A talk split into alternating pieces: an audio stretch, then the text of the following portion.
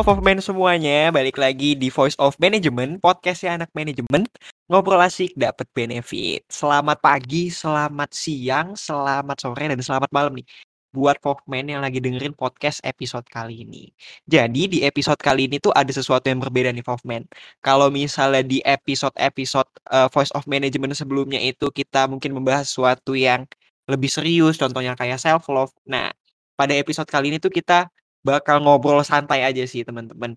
Jadi di episode kali ini tuh uh, kita bakal ngobrol sama teman kita dari luar UB nih, yaitu dari UI. Siapa sih yang nggak tahu sama UI Universitas Indonesia?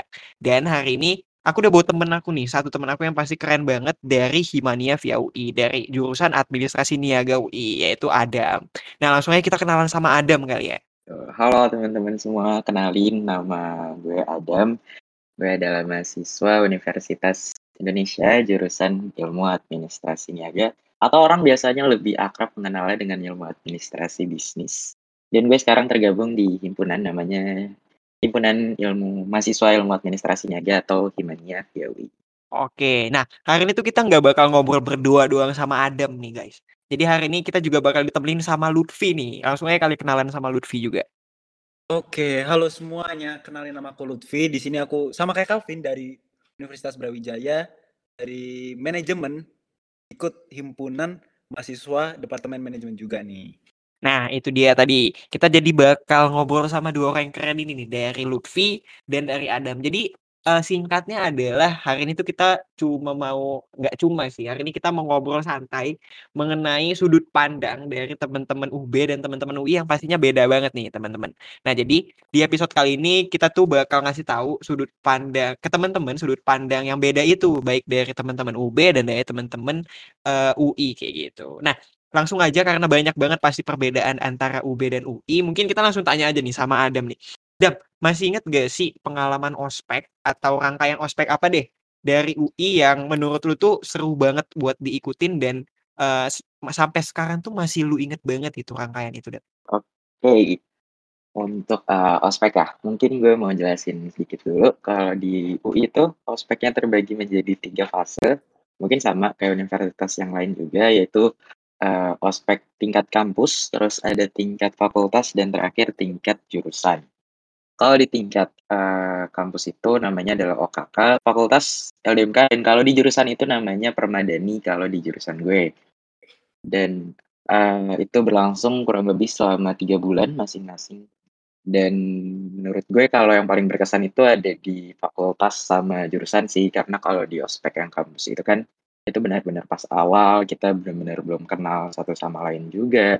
Dan itu waktu itu kalau di UI itu kebetulan kita cuma bikin beberapa tugas aja.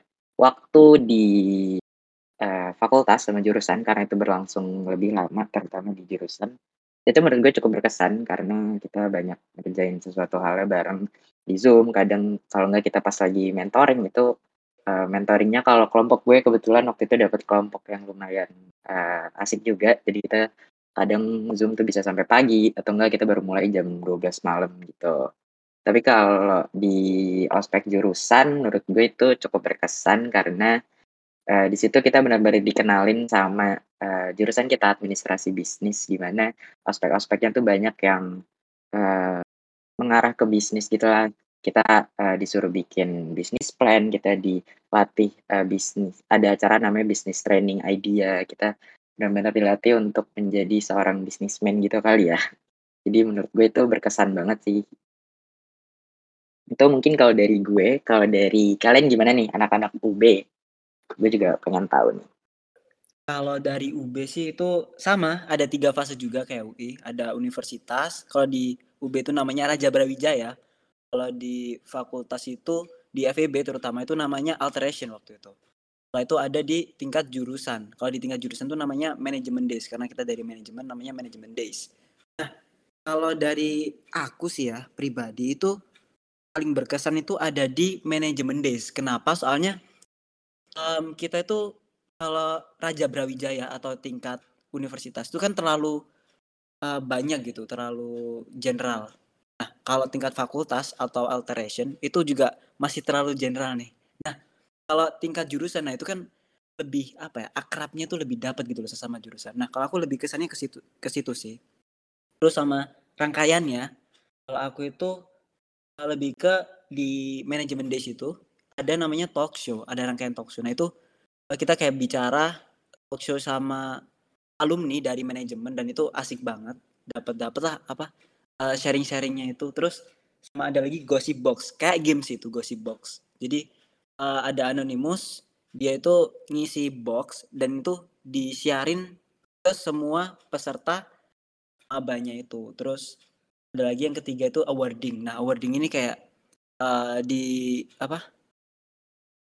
dijelasin gitu um, kelompok paling ini atau kelompok paling ini jadi keseruannya antar kelompok atau bondingnya sama kelompok tuh lebih dapat di awarding ini menurutku itu sih kalau kamu gimana Vin? Oke, kalau dari aku bener tadi sebelumnya Dam yang udah dijelasin sama Lutfi. Kalau kita tuh sebenarnya sama ya, nggak jauh beda sama teman-teman UI. Kita juga ada tiga kali ospek gitu. Jadi untuk yang pertama itu Raja Brawijaya, itu ospek universitas. Abis itu ospek uh, fakultas itu PKK Maba, kalau di tahun kita tuh mengusung temanya alteration ya, itu kan. Nah, terus untuk yang terakhir itu ada rangkaian ospek jurusan. Uh, kalau ditanya, uh, mana yang paling gua ingat, sebenarnya semuanya tetap diingat gitu kan. Apalagi buat Raja Brawijaya itu vibes-nya kan masih peralihan banget nih dari SMA ke kuliah gitu kan.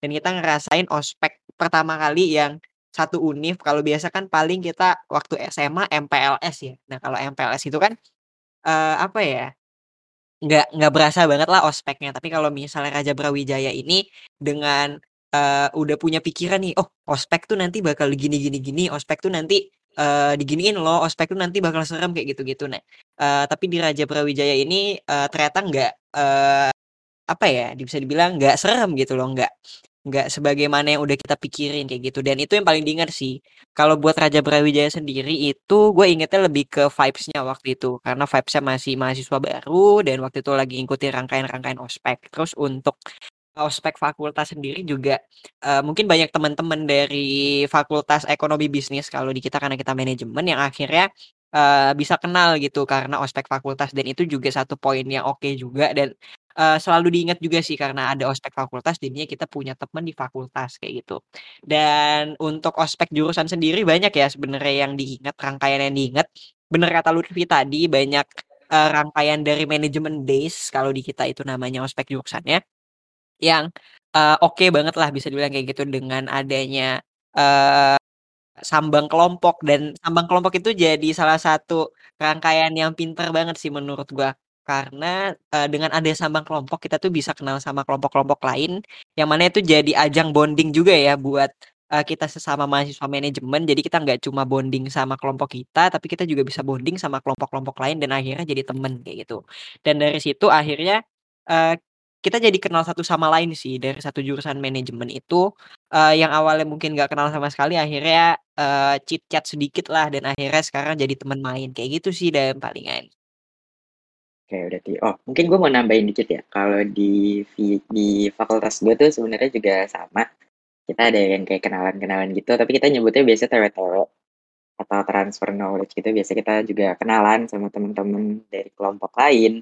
Terus uh, kita juga uh, disuruh wawancara biasanya ke kating-kating kita dari angkatan 20, 19 sampai angkatan 18 gitu. Dan kalau di ospek uh, jurusan itu gue mau nambahin kita ada beberapa rangkaian juga di UI itu nah kita ada main games itu biasa namanya adalah Amazing Race yang di mana kita tuh kayak main games gitu berlomba-lomba cepet-cepetan siapa yang uh, dan sama sih kebetulan kalau di UI itu ospeknya juga tidak semenyeramkan itu terutama di uh, fakultas gue ya di VIA bahkan kita sangat amat uh, bisa friendly sama kating-katingnya jadi uh, enak banget sih menurut gue Emang cukup beda jauh ya dari kehidupan SMA ke kuliah ini menurut gue, terutama di di ospeknya gitu. Tapi nih kalau, uh, ngomongin antara perbedaan SMA dan ke kuliah menurut kalian nih teman-teman dari UB, apa sih yang ngebedain banget antara, uh,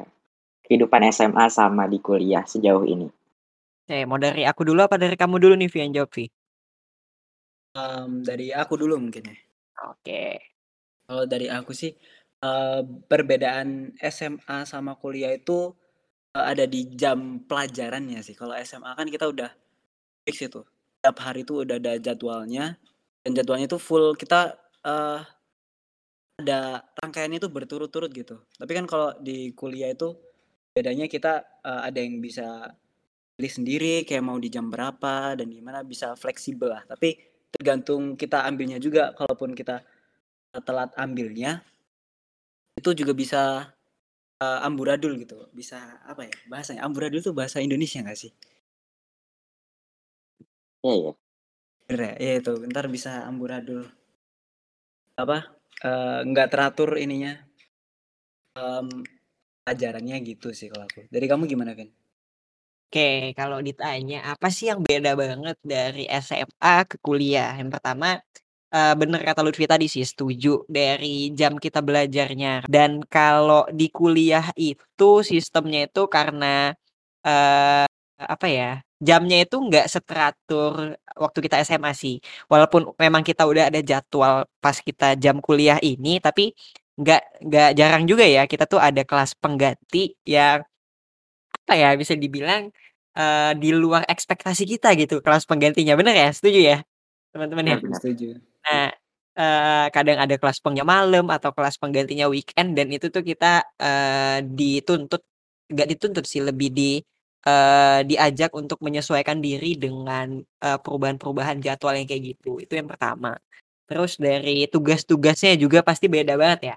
Tugas-tugas waktu di kuliah dan di SMA itu, eee, sangat amat berbeda gitu. Kalau misalnya di SMA mungkin tugas-tugasnya, eee, kita masih bisa nih dapat jawabannya di Google dengan gampang gitu kan. Nah, tapi kalau tugas-tugas di kuliah kan jarang ya yang dapat soal-soal esai yang dapat jawabannya dari Google tuh kan agak susah ya, agak agak Iya. agak langka gitu kan.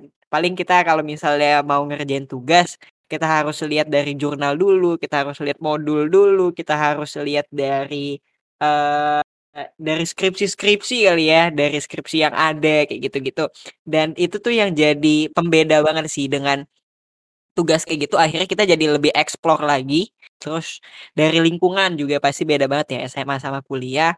Kalau SMA itu kan, eee, bisa dibilang itu zonasi banget ya, bisa dibilang gitu kan. Teman-teman SMA benar. kita tuh lebih ke apa ya, yang deket-deket situ jugalah, yang satu zonasi sama kita, satu daerah, satu wilayah juga sama kita. Misal dari Jakarta, eee, et di SMA kita tuh banyak orang Jakarta atau misalnya Lutfi SMA-nya di Malang dan teman-temannya mayoritas orang Malang juga di SMA-nya. Nah, eee, kalau misalnya di kuliah ini teman-temannya tuh bener-bener dari berbagai wilayah, ada yang dari Medan, ada yang dari Riau, ada yang dari Kalimantan, bahkan ada yang dari Bali, ada yang dari Sulawesi, kayak gitu-gitu. Jadi, eee, itu sih yang bikin jadi pembedanya gitu. Dan itu jadi pembeda yang sesuatu yang seru sih sebenarnya karena bisa temenan sama, eee, teman-teman kita di luar wilayah kita kayak gitu. Dan akhirnya kita tahu nih karena dari teman-teman kita yang di luar wilayah kita itu, kita jadi tahu, oh di daerah dia tuh ada ini loh, di daerah dia ada ini. Dan, eee, seru juga kalau misalnya lagi cerita-cerita sama mereka karena ada banyak hal banget yang berbeda antara kita sama dia, kayak gitu sih. Oke, gue gue setuju sih sama yang dibilang sama tadi Calvin sama Lutfi. Mungkin yang pertama itu tentang, eee, jam belajarnya ya. Kalau, eee, di SMA kan teratur, kalau di kuliah itu, eee, bahkan kadang nggak nentu banget dosennya. Tapi kalau, eee, di UI itu kebetulan cukup jarang sih dosen yang kayak gitu, paling emang cuma beberapa aja, tapi emang kadang emang unexpected banget. Gue juga udah kesel kalau yang namanya dosen nggak hadir. Karena kalau waktu SMA kan kita dosen nggak eh, guru nggak hadir kita malah seneng ya, tapi kalau kuliah tuh malah malah mikir lagi, ya ada kelas pengganti nantinya gitu. Terus, eee, kalau, eee, masalah lingkungannya bener juga, apalagi gue dulu waktu SMA adalah gue tuh dari SD sampai SMA itu adalah gue sekolah di sekolah swasta kebetulan, dan kebetulan waktu kuliah baru masuk ke negeri dan, eee, itu gue baru mengenal orang dari berba dari berbagai latar belakang baru. Menurut gue cukup seneng sih dengan hal itu, jadi gue banyak dapet, eee, perspektif-perspektif baru juga dari orang-orang ini, juga jadi tahu, eee, mereka dulunya di budayanya gimana, guenya gimana, itu cukup, eee, menyenangkan sih buat gue.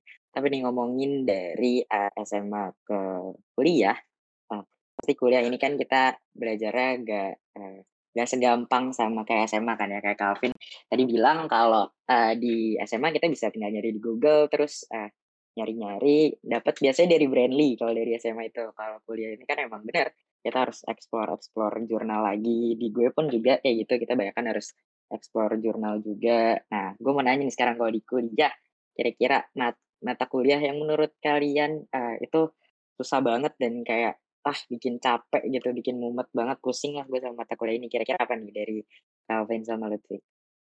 Oke, mungkin aku dulu ya Vi yang jawab ya. Ini cukup seru nih pertanyaan ini.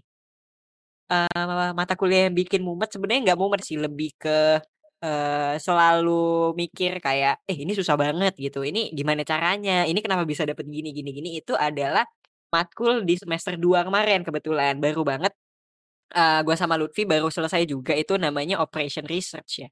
Nah jadi, uh, banyaklah itu yang bener-bener di luar nalar gue tuh kalau misalnya lagi pelajaran itu, even itu dosennya bapak dosennya itu lagi ngejelasin, wah pala padahal dijelasinnya itu dengan dengan runtut gitu ya, dengan oke jelasnya, cuman emang nggak ngerti, seenggak ngerti itu gitu sama pelajaran ini, sama mata kuliah ini.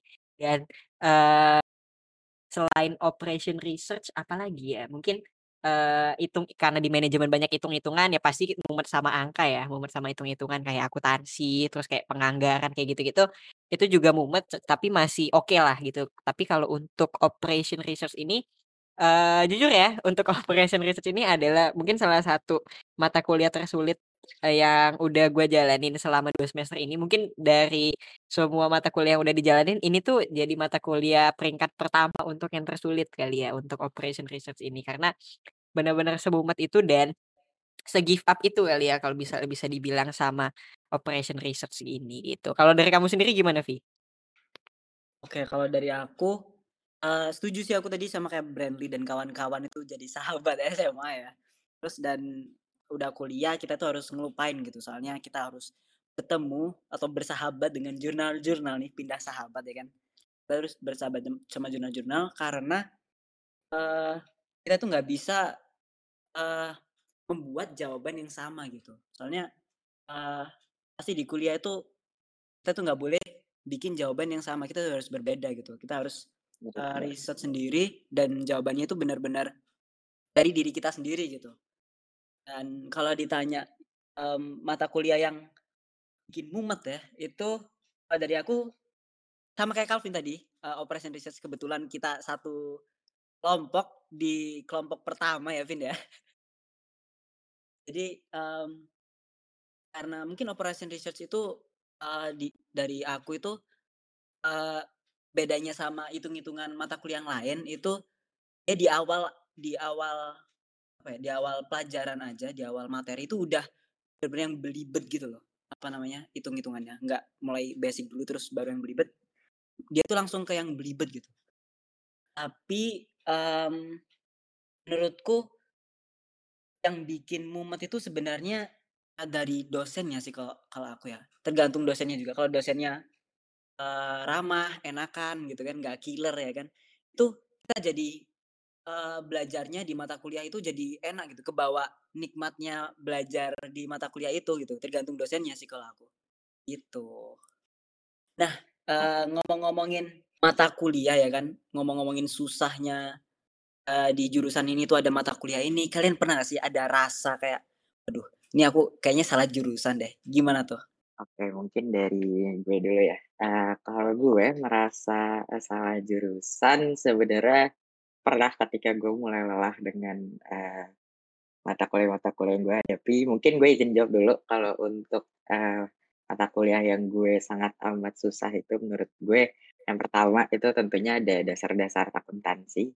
Dan yang kedua itu ada mata kuliah namanya negara dan pasar.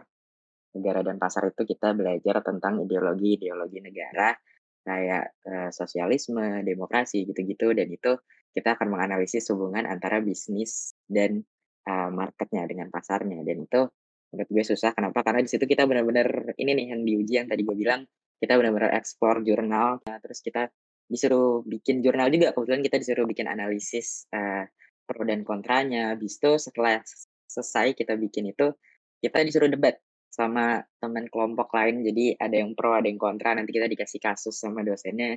kita disuruh debat gitu dan itu menurut gue cukup amat susah dan bikin pusing dan cukup bikin gue jarang tidur sih mata kuliah ini. Nah, kalau gue merasa salah jurusan itu pernah karena kebetulan ya karena gue jurusan administrasi bisnis yang di mana secara luas kita belajar tentang ilmu bisnis yang menurut gue gue sempat mikir gini sih sebenarnya ini opini gue aja uh, ilmu yang gue pelajarin sekarang itu sebenarnya tanpa gue pelajarin pun bisa gue cari di luar sana tanpa gue harus kuliah gitu loh. Jadi uh, kayak ngapain gue belajar ilmu ini yang padahal cara gue belajar mandiri itu juga bisa gitu loh. Karena kita cuma belajar tentang ilmu bisnis yang harusnya semua orang itu udah bisa lah untuk mempelajari itu. Dan gue itu sempet uh, merasa salah jurusan di situ sih. Karena gue agak nyesel kenapa gue tidak mencoba hal-hal lain yang mungkin lebih uh, lebih rumit lah istilahnya kayak lebih perlu didalami kemampuannya gitu gue sempat mikir kayak gitu sih waktu itu tapi sekarang kebetulan daga gue udah bersyukur ada di sini dan gue tetap akan ada di administrasinya Gawi. Kalau dari kalian gimana? Calvin atau Putri? Eh, gue dulu yang jawab ya. Eh, perasaan salah jurusan pasti nggak pasti sih, tapi eh, mostly anak-anak mahasiswa itu pasti at least sekali pernah apa ya pernah ngerasa salah jurusan ya kayak gitu ya dan uh, gue pun juga merasakan hal itu pas di awal-awal karena uh, kalau boleh jujur uh, awalnya itu gue tuh bukan mau masuk manajemen karena gue udah muak dengan segala macam hitungan ini kan. Ketika masuk pertama kali kuliah, mungkin masih oh oke lah ini pelajarannya itu masih masih bisa diikutin kayak gitu kan. Uh, karena masih belum jauh-jauh banget dan itu masih masih dalam standar ya oke gue masih bisa ikutin nih untuk mata kuliah ini pelajarannya masih nyambung banget nih di gue gitu. Tapi begitu masuk ke semester 2 Eee, dengan adanya operation research yang pertama, terus ada penganggaran perusahaan yang, cukup rumit karena harus ada gabungan statistika dan lain-lainnya. Terus operation research juga tadi Lutfi bilang, eee, udah mumet di awal juga dan itu mulai ngerasa nih, "Eh, ini kayaknya gue salah jurusan nih, gue nggak nggak banget nih sama hitung-hitungan ini nih." Dan, eee, apa ya, tapi, lambat laun akhirnya mulai enjoy juga sama penganggaran perusahaan dan akhirnya dengan mata kuliah-mata kuliah yang bisa dibilang cukup sulit ini, akhirnya bisa berdamai sih dan bisa finishing well juga di semester 2 kemarin dengan nilai yang cukup bagus juga dan uh, perasaan salah jurusan ini akhirnya lambat laun juga hilang juga sih dan untuk saat ini, uh, lagi nggak ngerasa salah jurusan sih karena emang lagi libur kali ya, jadi belum ngerasa salah jurusan lagi. Mungkin nanti kalau misalnya udah masuk semester 3 Mungkin nanti ada perasaan salah jurusan itu lagi mungkin kalau udah pusing gitu. Tapi Iya. untuk sekarang, eee, enjoy dulu aja untuk di jurusan yang sekarang ada karena emang, eee, teman-temannya juga oke-oke banget, seru-seru banget dan baik-baik banget di jurusan manajemen ini. Jadi, eee, nggak ada alasan sih sebenarnya untuk salah jurusan kalau misalnya sekarang kayak gitu. Kalau kamu gimana, Vi? Oke, kalau aku sih, uh, aku bener sih setuju sama Adam sama Calvin. Kayak uh, orang-orang itu merasa salah jurusan itu waktu, uh, ngejalanin mata kuliah yang ada hambatannya gitu, kayak misal susah di mata kuliah operation research, kayak Calvin bilang tadi. Nah, itu karena ada hambatan di satu atau dua mata kuliah, jadinya, uh, ada ada yang nganggep, "Ah, aku kayaknya salah jurusan nih." Nah, menurutku sih, uh, kebanyakan yang nganggep salah jurusan tuh ada hambatan di Mata kuliah beberapa mata kuliah itu sih. Tapi kalau aku sendiri, itu aku belum belum ada sih salah jurusan. Soalnya dari awal aku juga udah manajemen, awal juga nggak tahu mau masuk mana dan, um, manajemen juga udah satu-satunya jalanku gitu. Aku pikirannya manajemen, maunya manajemen, jadi ya adanya di otakku manajemen. Jadi ini, sampai sekarang jadi, nggak belum ada lah ngerasa, salah jurusan. Kalau dari aku Gitu sih. Kemarin itu kebetulan semester 2 kemarin masih full online gitu, jadi emang gue benar-benar masih dari rumah aja nih kuliahnya, belum pernah yang hybrid, belum pernah ngerasain kuliah di kampus sama sekali. Dan gue mau nanya nih ke kalian, karena gue cuma di rumah doang dan gue juga rumah kuliah itu cuma ke Depok dan itu deket, jadi kemungkinan besar gue nggak akan ngekos juga. Gue mau nanya nih ke kalian sebagai mahasiswa perantauan nih, kayak uh, Calvin terutama, uh, gimana sih uh, jadi rasanya jadi mahasiswa perantauan tuh? Apakah ada culture shock ya Kak, atau mungkin pengalaman-pengalamannya juga gue denger kan seru nih kalau kuliah-kuliah online, eh kuliah rantau maksudnya, kalau kuliah rantau itu kan seru. Kira-kira gimana nih kalau dari kalian yang kuliah di Malang? Mungkin gue mau dari Lutfi dulu atau dari Calvin boleh?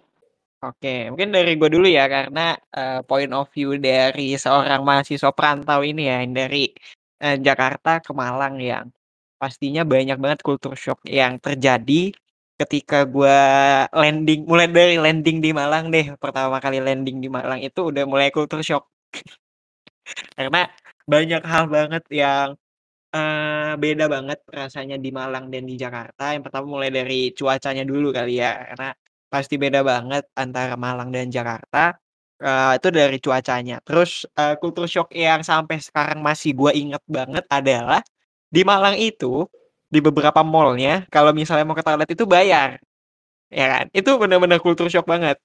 Itu yang bener-bener sekaget-sekaget ya. Karena kalau di Jakarta kan, eee, jarang ya mall-mall yang toilet itu bayar gitu kan.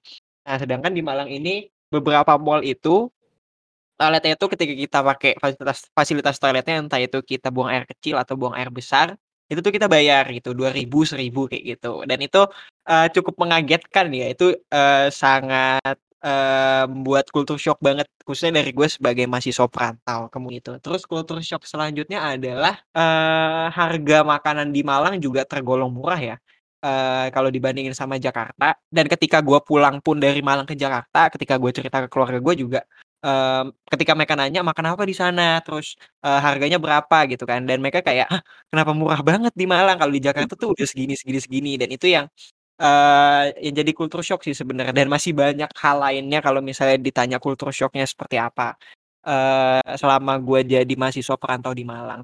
oke oke. Mungkin, uh, kalau dari Calvin ya tadi, uh, mungkin culture shock-nya emang ya cuaca, kondisi jalan, dan orang-orangnya.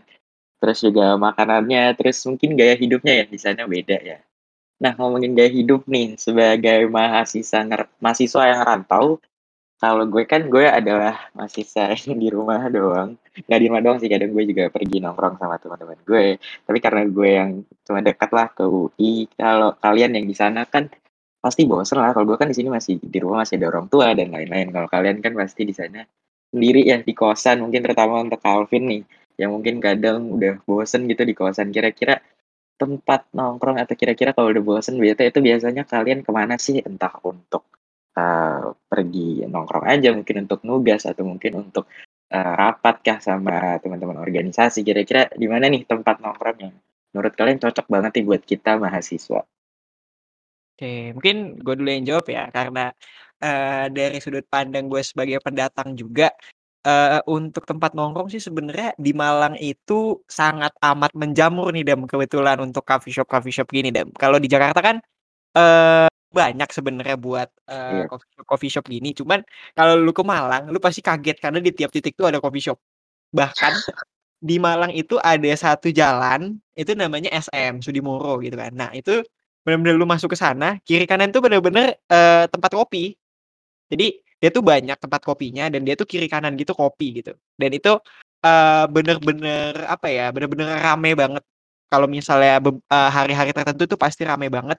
Entah itu, eee, sekedar nongkrong atau ada kegiatan-kegiatan kayak rapat gitu, di daerah situ pasti rame banget. Dan kalau misal ditanya tempat nongkrong yang mahasiswable banget yang Eee, jadi tempat pelarian ya bisa dibilang gue sebagai mahasiswa perantau itu, eee, selain coffee shop adalah, eee, apa ya, sekedar jalan-jalan biasa aja sih atau gue main ke kos temen gue gitu kan.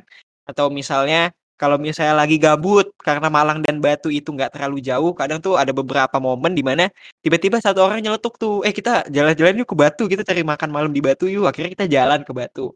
Karena emang sedekat itu gitu dari Malang ke Batu dan Eee, bukan jadi satu masalah yang masalah banget kalau misalnya kita, eee, jalan malam-malam Malang ke Batu rame-rame gitu kan. Nggak tahu ya kalau menurut gua kayak gitu, gitu kan. Karena emang sela menjadi mahasiswa perantau itu kan cukup bebas ya. Jadi kayak, Iya. eee, bukan masalah gua banget lah, karena gue juga nggak ada jam malam juga selama di Malang. Jadi kayak gitu sih paling kalau misalnya udah bosan ke kosan, pasti, eee, gue selalu chat temen gue kayak, "Eh kita ke mana yuk?" Even tuh cari makan doang. Taman Krida yuk, yang mana itu yang gue sebutin tadi itu adalah tempat makan-makan anak kos banget sebenarnya, kayak gitu sih.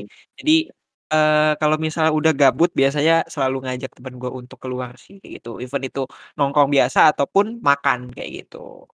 Kalau dari Lutfi gimana nih? Nah, kalau dari aku di Malang itu bener kata Calvin, ada uh, tempat nongkrong itu ada di Malang itu satu tempat tuh namanya SM kayak tadi Calvin bilang. Itu dia itu kira-kira jarak satu kilo, bener-bener jalan lurus satu kilo, kanan kiri itu isinya kopi-kopian semua. Jadi kalau malam minggu, kalau weekend itu, uh bener-bener full banget sampai kadang macetnya tuh udah males udah kalau mau lewat situ. Tapi itu banyak sih pilihannya. Jadi nongkrongnya bisa di situ. Kalau enggak, kebanyakan juga ke Batu kan karena kita deket sama Batu.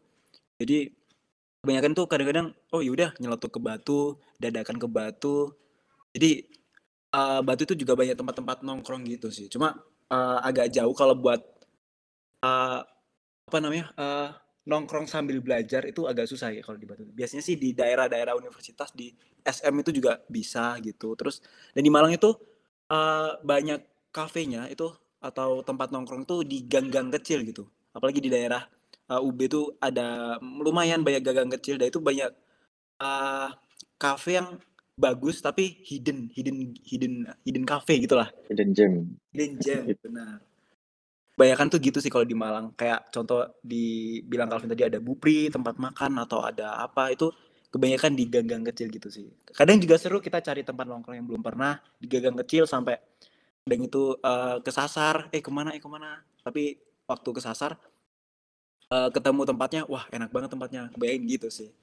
Kalau dari Adam gimana tuh di UI tempat nongkrongnya kalau gue di UI karena gue tidak tinggal di sekitaran UI tentunya jarang ya kalau ke UI mungkin kalau emang kadang gue uh, lagi bosen nih di rumah gitu paling gue bener sih sama kayak kalian juga kadang gue nelpon temen gue ayo kita nongkrong ya kalau gak temenin gue. Enggak sih tapi uh, kalau biasanya kalau anak-anak UI terutama jurusan gue itu kita nongkrongnya daerah-daerah uh, Jakarta Selatan ya anak-anak Jaksel Tebet sana sih keseringan tapi uh, nggak jarang juga biasanya kalau kita lagi ada kegiatan ke kampus kita nongkrong di sekitaran uh, Depok situ biasa ada kafe-kafe di pinggiran uh, Margonda situ terus tapi emang lebih sering kalau teman-teman UI biasanya daerah uh, Jakarta Selatan gitu sih Tebet yang emang jadi sentral kita lah dari uh, yang tinggalnya di Jakarta dan sekitar gitu. Mungkin kalau dari gue gitu sih. Oke oke, cukup menarik ya sebenarnya karena eh apa ya bisa dibilang dari point of view gue sendiri sebagai mahasiswa perantau eh mungkin karena gue dari Jakarta juga, tapi bukan dari daerah Jakarta Selatan yang kayak tadi Adam bilang, udah terbiasa banget dengan kehidupan Malang karena sempet tiga bulan di Malang juga waktu itu, jadi udah beberapa kali juga mondar-mandir di kota Malang, jadi tahu spot-spot mana aja nih yang oke banget nih buat kita nongkrong, event itu, uh, makan biasa atau kita kumpul biasa atau bahkan rapat, gitu kan. Nah, berhubungan dengan rapat nih, tadi kan, uh, kita itu eh, enggak kita sih, tadi uh, di awal juga Adam juga perkenalannya juga, uh, dibilang kita Adam itu dari Himania, terus Lutfi dari HMDM dan gue juga kebetulan anak HMDM juga. Nah, yang mau gue tanyain adalah, uh, kenapa sih dari Lutfi sama Adam nih, kenapa kalian milih himpunan, uh, dibanding ikut kegiatan-kegiatan lain lah bisa dibilang yang ada di kampus, khususnya di jurusan kalian gitu? Mungkin dari Lutfi dulu nih. Oke, kalau dari aku ya, uh, kenapa aku milih himpunan, soalnya aku Uh, mungkin untuk awal-awal ini aku leb lebih mau, uh, deket sama teman-teman himpunan dulu. Jadi terutama karena, uh, ada himpunan, ada, uh, ada BEM juga ya kan, ada di UB ada EM yang universitas, tapi aku, uh, mungkin awal-awal ini mau ngerangkul atau mau kenalan, lebih kenal, lebih dekat sama teman-teman jurusan gitu. Jadi aku ikut himpunan, uh, selain apa namanya, um, pengen lebih kenal sama teman-teman jurusan aku juga buat ngisi waktu luangku sih. Jadi selain kuliah aku juga pengen ngisi waktu luang, berorganisasi kayak ada proker-proker. Nah itu aku pengen belajar hal baru juga. Aku soalnya di SMA itu nggak ikut organisasi, organisasi. Jadi um, di kuliah ini aku pengen mencoba hal baru gitu. Ikut organisasi itu kayak gimana. Jadi uh, gitu sih kalau dari aku. Oke oke, berarti bisa dibilang lebih mau cari pengalaman gitu ya, Vi? Mau nyari temen juga karena akhirnya ah dan akhirnya itu jadi alasan kamu mau ikut himpunan gitu ya, Vi, ya? Bener banget. Jadi, uh, lumayan lah kayak sekarang udah berjalan beberapa waktu, udah mulai kenal juga lumayan banyak-banyak teman-teman manajemen, kayak gitu. Oke, kalau itu dari Lutfi. Kalau dari lu sendiri gimana, Dam? Kenapa sih milih, uh, Himania gitu jadi tempat buat, eee, lu apa ya, lu stay selama lu kuliah di UI gitu, Dam? Kalau dari gue awalnya kenapa gue masuk, eee, organisasi mungkin sama ya kayak Lutfi, tapi kebetulan gue emang udah dari sekolah emang udah anaknya udah seneng ikut organisasi. Tapi kemarin waktu semester 1 gue emang nggak gue cuma ikut kayak satu kepanitiaan dan gue, eee, itu kebetulan ikut kepanitiaan yang diadain sama, eee, Himania dan gue merasa itu adalah salah satu kepanitiaan yang menurut gue, gue seneng banget. Kenapa? Karena kalau di Himania itu cara dari kita bekerja, flow-flow-nya kita bekerja itu udah menurut gue udah sangat dekat dengan dunia profesional kerja gitulah. Jadi udah kayak orang beneran kerja di kantor gitu rasanya. Jadi kalau kenapa gue milih Himania di antara organisasi lain, padahal organisasi di UI, mungkin di UB juga itu kan banyak banget ya, ada dari BEM kampus, ada dari BEM fakultas juga, terus ada organisasi lain yang tentang, eee, bisnis, tentang, eee, kebijakan-kebijakan gitu juga, eee, banyak banget sebenarnya. Tapi kenapa gue milih Himania, karena satu mungkin, eee, yang exposure paling kuat di gue waktu itu adalah Himania, karena yang ada yang ospek jurusan kan ya pasti himpunan, dan gue merasa cukup dekat dengan Himania dan sama kayak Lutfi, gue juga pengen kenalan nih sama teman-teman, eee, sejurusan gue lebih dalam kan. Kenapa kalau, eee, Himania di antara yang lain, itu sih tadi Himania itu paling menurut gue paling dekat dengan, eee, dunia kerja, cara kerjanya yang lebih, eee, profesional karena gue dari SMP, SMA gue ikut organisasi dan gue agak cukup, eee, jenuh gitu loh dengan, "Oh kerjanya cuma gini-gini doang," gitu. Tapi di Himania ini beda, gue beneran menemukan cara kerja yang baru, eee, benar-benar apa ya, menurut gue sesuatu yang fresh dan akan membuat gue jauh lebih berkembang kalau gue gabung di, eee, Himania ini sih. Mungkin kalau dari gue itu sih alasan kenapa milih Himania dan gue gue tidak menyesal sama sekali, gue sangat bersyukur bisa tergabung di Himania UI. Kalau dari Calvin kira-kira gimana nih, Vin? Oke, kalau pertanyaan kenapa ikut himpunan khususnya HMDM gitu ya, sebenarnya, eee, nggak jauh beda sama jawaban dari lu sama Lutfi juga Dam, eee, yang pastinya mau nambah relasi dan koneksi juga ya. Itu mungkin udah jadi alasan yang template banget kalau misalnya lagi ditanya, "Kenapa kamu mau join ini ini ini?" Karena benar. karena mau, eee, menambah koneksi dan relasi. Tapi emang itu, eee, salah satu poin utamanya sih untuk, eee, yang menjadi alasan kenapa akhirnya, eee, mau gabung di HMDM khususnya gitu kan. Eee, kalau misalnya ditanya alasannya, ya tadi mau menambah koneksi dan relasi juga, eee, ngerasa udah nyaman juga sama lingkungan kerja di HMDM. Oke oke oke. Nah, eee, aku ini, eee, dari tadi eee, jadi dari kalian ini, eee, Calvin sama Adam, ada nggak sih pesan buat teman-teman maba nih? Kan habis ini, eee, teman-teman maba pada masuk ya. Kalian ada pesan nggak sih buat mereka? Dari Adam Oke, mau siapa dulu Dam yang jawab nih? Oke, Adam dulu Dam. Dari gue dulu untuk, eee, adik-adik maba, terutama di jurusan gue atau mungkin semuanya sih juga, ini secara general aja ya.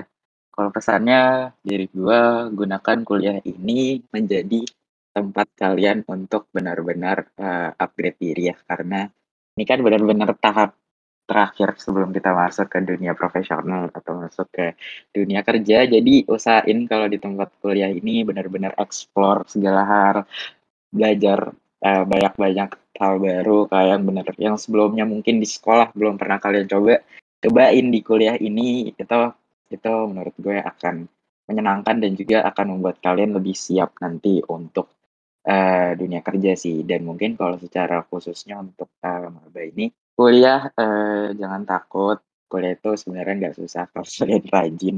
Tapi, eee, mungkin lebih harus aktif aja, terus harus, eee, dengerin yang dosen ngomong kalau kuliah, jangan kuliah sambil terutama kalau kuliah online ya, jangan sambil main gadget dan lain-lain karena, eee, sayang banget ilmunya. Tapi walaupun kadang juga ada recording sih yang bisa kalian nonton lagi, tapi itu jarang biasanya untuk nonton lagi recording-nya. Jadi pesan gue, eee, harus bisa ngeimbangin juga antara organisasi dan, eee, akademiknya karena itu 2 hal yang akan cukup penting juga nantinya buat kalian ketika mau turun ke dunia kerja menurut gue. Mmm, intinya itu sih kalau dari gue, kalian harus coba banyak hal baru selama kuliah ini, jangan takut keluar dari zona nyaman, harus explore banyak hal untuk selama kuliah ini. Mungkin itu sih dari gue. Kalau dari Calvin sendiri gimana, Vin? Oke, kalau dari gue sendiri sebenarnya, eee, singkat aja, eee, bener kata Adam tadi, eee, buat temen-temen mahasiswa baru nanti, eee, explore banyak hal, itu hal yang penting banget. Entah itu kalian join organisasi, misal kayak, eee, Adam join himpunan, gue join himpunan, Lutfi juga join himpunan, mungkin kalian punya ranah kalian sendiri, entah kalian mau ikut volunteer atau kalian mau ikut magang, eee, segala macem selama di kuliah itu boleh banget, yang penting kalian tuh punya pengalaman dulu. Jadi dari pengalaman itu banyak ba dari pengalaman di luar akademik kita, di luar jam kuliah kita itu, itu menjadi satu hal yang penting banget selama kita di masa kuliah gitu. Jadi kita nggak cuma dapet pelajaran atau materinya aja, tapi kita juga dapet nilai-nilai yang kita nggak dapetin selama kita belajar mata kuliah di kampus. Kalau misalnya kita ikut berbagai kegiatan-kegiatan di kampus kayak gitu. Jadi itu nanti pinter-pinter teman-teman aja nanti buat teman-teman mahasiswa baru khususnya, eee, hati-hati juga teman-teman dalam milih pergaulan juga. Kalau misalnya teman-teman ngerasa pergaulan ini nggak bikin teman-teman berkembang, eee, teman-teman juga harus hati-hati. Teman-teman kalau bisa, eee, cari pergaulan yang bisa bikin teman-teman berkembang juga karena, eee, kita nggak pernah tahu ya ke depannya itu bakal jadi kayak gimana. Jadi, eee, menurut gue sendiri harus pinter-pinter juga sih mencari teman kalau di kehidupan kampus kayak gitu. Terus perbanyak juga relasi dan koneksi karena itu akan menjadi poin plus juga karena bakal ada eee, kondisi di mana kita perlu bersaling bersimbiosis ya. Simbiosis mutualisme kalau misalnya kita lagi sulit, kita bisa minta bantuan sama teman-teman kita atau sebaliknya kayak gitu. Terus apa lagi ya, bener kata Adam tadi kalau misalnya lagi kelas gitu teman-teman, perhatiin dosennya, teman-teman boleh dicatat, even itu nanti teman-teman nggak merhatiin karena ada recording, tapi bener kata Adam tadi ya, walaupun ada recording-nya juga, eee, jarang banget buat didengerin ulang gitu, karena emang udah udah apa ya, udah nggak ada niatan lagi lah dalam tanda kutip kayak gitu. Jadi itu sih paling pesan-pesan buat teman-teman mahasiswa baru dari aku, gitu Vi. Oke, karena, eee, tadi juga kita udah masuk ke pesan-pesan buat mahasiswa baru nih dari, eee, dari gue sama Adam juga. Mungkin untuk ngobrol hari ini mungkin kita tutup aja kali ya Dam ya, sampai sini aja Dam ya? Boleh kalau kayak gitu, gue juga udah banyak tadi sharing-sharing, semoga, eee, sharing berguna nih, terutama buat adik-adik juga yang baru join nih ke kehidupan kampus, eee, mungkin bisa didengerin dari kita yang udah menjalani 2 semester kehidupan di kampus. Walaupun banyak tapi semoga untuk kalian mengawali di dunia perkuliahan ini. Bener banget. Jadi, eee, tadi ada beberapa cerita juga pengalaman dari Adam, dari Lutfi, dari gue juga. Sebagai maba-maba baru tua ini, mahasiswa baru tua ini karena baru punya adik-adik tingkat. Jadi semoga apa yang kita obrolin hari ini tuh bermanfaat ya buat teman-teman semua yang denger hari Iya. ini, khususnya buat teman-teman mahasiswa baru kayak gitu. Nah, eee, sekali lagi terima kasih juga nih buat Adam karena udah bersedia buat ngobrol sama kita. Titip salam juga buat teman-teman dari Himania ya Dam ya. Dan makasih juga nih buat Lutfi karena udah bersedia juga nih nemenin, eee, aku sama Adam hari ini Vi buat ngobrol-ngobrol. Jadi banyak, eee, point of view dari kamu juga nih Vi sebagai mahasiswa UB khususnya dari, eee, warga lokal Kota Malang ya Vi ya, kayak gitu. Mungkin itu aja buat, eee, ngobrol kita hari ini. Eee, terima kasih buat Fofman semua yang udah denger episode podcast kita hari ini. Semoga apa yang kita bahas hari ini itu bisa bermanfaat buat ke depannya. See you di episode selanjutnya Fofman. Gue tutup ya. Five, four, three, two, one, close the door.